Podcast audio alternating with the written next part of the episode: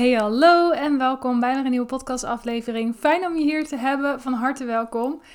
Ik heb vandaag lekker een rustige dag. Het is vandaag maandag dat ik deze podcast opneem. Ik merkte vanmorgen namelijk dat mijn kat Appie niet helemaal lekker was. Hij wou zijn brokjes niet eten en wou ook geen snackjes hebben. En ja, bij mij gaat het dan meteen van 0 naar 100. Zeker gezien zijn uh, kankerverleden. Ja, dan ben je toch gelijk meer op je hoede. Omdat je dan van, oh shit, is er wat aan de hand? Uh, moet ik iets? En ik merk dan sowieso gedurende zo'n dag dat ik veel meer met mijn pijlen op hem gericht sta dan op mijn uh, enorme to-do-lijst. maar goed, ik vond het wel heel belangrijk om vandaag nog een podcastaflevering op te nemen. Zeker ook na het gesprek wat ik net had. Ik had toevallig net een gesprek met een oud klant van mij van mijn vorige bedrijf die mij opnieuw had gevonden. En mij had gevraagd om mee te kijken naar een vraagstuk dat hij had binnen haar bedrijf. Nou, en dat vraagstuk is niet per se hetgeen waar ik het over wil hebben, maar tijdens ons gesprek kwam er iets heel moois naar voren. Zij is op dit moment bezig met een groepsprogramma en die start eind deze maand en daar wilde ze een aantal mensen in hebben en ze merkte dat ze er ook nog niet Um, dat het nog niet lukte om het programma vol te krijgen. En daar hebben we eigenlijk wat meer in de diepte over gesproken. En toen maakte op een gegeven moment de opmerking dat zij uh, terugkreeg van haar klanten dat de prijs nogal hoog was. Of dat mensen het spannend vinden om zo lang een commitment aan te gaan. En dat ze daarom dus ook verschillende versies van haar product had bedacht. En dat is een klassieke fout. En ik wil het niet echt fout noemen, maar dan snap je even wat ik bedoel. Dat wat ondernemers maken. Nou, waarom? Op het moment dat jij terugkrijgt van klanten dat de prijs te duur is, dat de prijs te hoog is, dan uh, is het 9 van de 10 keer niet echt vanwege het geld. Kijk, even uitzonderingen daar gelaten. Als je natuurlijk diep in de schulden zit, dan is het niet handig om grote investeringen te doen. Maar de meeste van ons kunnen echt wel wat geld missen. Zeker als je natuurlijk al met iemand gesprekken aangaat en geïnteresseerd bent in een programma. Dan heb je vaak al wel wat budget achter de hand om dat soort dingen te kunnen doen.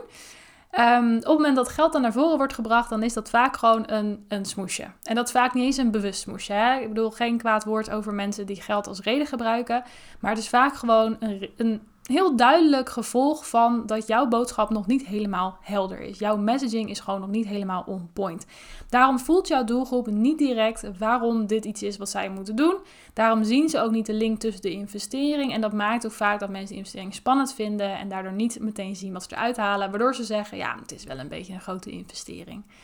Nou, wat zij dan vervolgens deed, was dat ze dan verschillende versies erop ging maken. Dus dat je niet uh, voor een jaar lang hoefde te committen, dat ook voor een kortere periode kon zijn om zo mensen te bedienen. En hoewel ik dat iets heel moois vind, raad ik het heel sterk af om dat te doen. Kijk, het probleem hierin zat niet in de dienst, want de dienst kwam over. Die was voor haar dat ze zegt van ja, ik sta hier 100% achter. Het was echt een stukje messaging en de juiste doelgroep targeten. Daarom ben ik ook geen voorstander van dat op het moment dat jij te horen krijgt dat je prijs te laag is, dat jij dan maar je prijs moet gaan, of dat je prijs te hoog is, sorry, en dat je dan maar je prijs moet gaan zitten verlagen. Uh, nee, op het moment dat jij te horen krijgt dat jouw prijs te hoog is, dan heb je gewoon de verkeerde persoon voor je zitten. En dan is er dus iets in jouw messaging, in jouw boodschap nog niet daadwerkelijk goed, waardoor je ook de juiste mensen aantrekt. En dat is hetgeen waar je voor mij op mag focussen. Niet op het aanpassen van prijzen, verlagen, korting, weet ik het allemaal wat. Nee, ga naar de kern van het probleem. De kern van het probleem is niet het product, want jij weet, ik sta hier 100% achter. Ik ben hier helemaal fan van. Jij weet ook, mijn doelgroep zit hier absoluut op te wachten. Oké, Iets in die connectie gaat er dus nog niet goed. En wat is die connectie? Dat is jouw messaging. Nou, en dat vind ik wel een heel belangrijk inzicht waarvan ik wil dat jij het je ook realiseert. 9 van de 10 keer is de reden, ik heb niet zoveel geld of ik vind het te duur, is vaak gewoon een smoesje. Ik heb het zelf in de praktijk ook vaak ervaren dat mensen uh, bij mij in de DM kwamen van ja, maar is die training van 200 euro, ik vind het toch wel heel duur. Dat ik echt dacht, duur? Weet je hoeveel je wel hier niet voor krijgt? Dat ik echt dacht, nou, ik ging in mijn trainingen altijd helemaal all in. Ik ging vaak echt ver buiten de kaders van dat een training dan van 200 euro nog zou moeten hebben, zeg maar. En dan waren er nog steeds mensen die dan hadden, want dat is heel duur. Dat ik echt dacht, hoezo? Um, nou, nu heb ik zelf altijd het gevoel gehad van, weet je, even goede vrienden, dan doe je het niet. Maar vervolgens zag ik ook wel eens mensen dan bijvoorbeeld een maand later iets eh, totaal anders kopen. Van ik wist dat het heel duur was. Een auto of een grote coaching traject of weet ik het wat. Dat ik altijd dacht, ja zie je wel, geld was helemaal niet de issue. De issue zat in mijn messaging. Um, en dat vind ik ook wel een belangrijke en ook een belangrijke reflectie. Het zit in mijn messaging. Met andere woorden, het zit niet bij mijn doelgroep, het zit dan bij mij. En in jouw geval, het zit bij jou. Dat is ook een stukje eigen verantwoordelijkheid pakken. En zelf dus ook accepteren dat jij 100% verantwoordelijk bent. En dat jij dus ook alles eraan moet doen om de resultaten te behalen die jij wil behalen.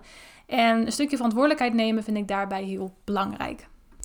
Maar goed, die messaging is dus wel een heel belangrijk onderdeel, omdat dat hetgeen is waarmee die verbinding maakt tussen jouw product of dienst en jouw doelgroep. En in mijn ervaring is dat ook iets wat je niet meteen vanaf het eerste moment goed doet en ook niet iets wat je altijd 100% zal beheersen. Dat is echt iets wat jij ja, moet leren, moet fine-tunen, moet gaan leren beheersen en daar constant mee bezig moet blijven. Omdat zolang jij blijft groeien, en dat blijf je doen, groeit je doelgroep met je mee. Met andere woorden, die uh, messaging en boodschap die jij hebt, die blijft ook steeds een beetje evolueren. En daarom vind ik het ook heel belangrijk dat op het moment dat jij bijvoorbeeld diensten en producten lanceert, dat je het ook gewoon echt gaat zien als een nieuwe les die je mag gaan leren. Daarom lanceer ik zelf altijd eerst met een pilot.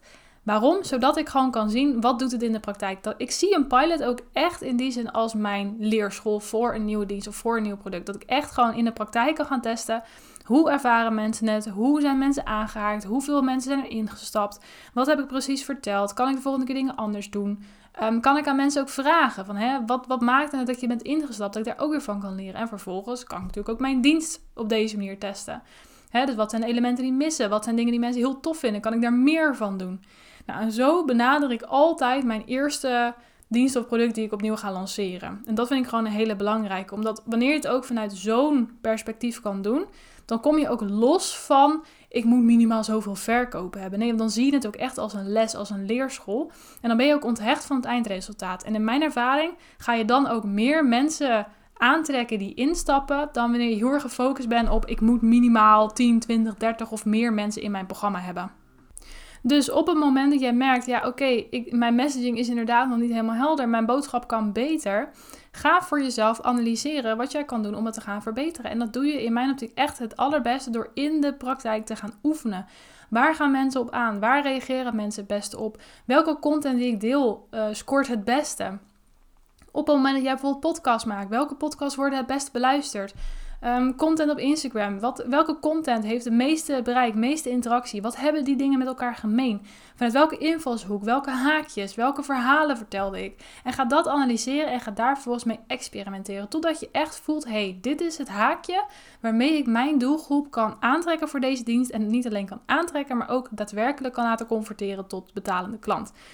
Dat is in mijn optiek echt de enige manier waarop je jouw messaging zo helder gaat krijgen dat je ook echt de juiste mensen gaat aantrekken voor in jouw dienst of product. En dat is gewoon een proces. Dat, dat is gewoon, hoe je het ook bent of keer, dat is iets waar je goed mee moet leren worden. Iets waarmee je gewoon heel veel moet oefenen en iets wat je ook moet blijven doen. Hè? Want zoals ik al zei, het is niet dat je op een gegeven moment het wiel hebt uitgevonden en dat je daarmee nooit meer je messaging hoeft te veranderen. Want jij groeit als ondernemer, jouw bedrijf groeit en dus ook jouw doelgroep groeit met jou mee. En elk Um, ja, elke stage heeft weer een nieuwe tone of voice nodig. Daar geloof ik heel sterk in. Je wordt er wel steeds beter in en steeds sneller in. Maar het blijft een aspect waarin je, waar je mee bezig moet blijven. Zo zie ik dat gewoon heel sterk.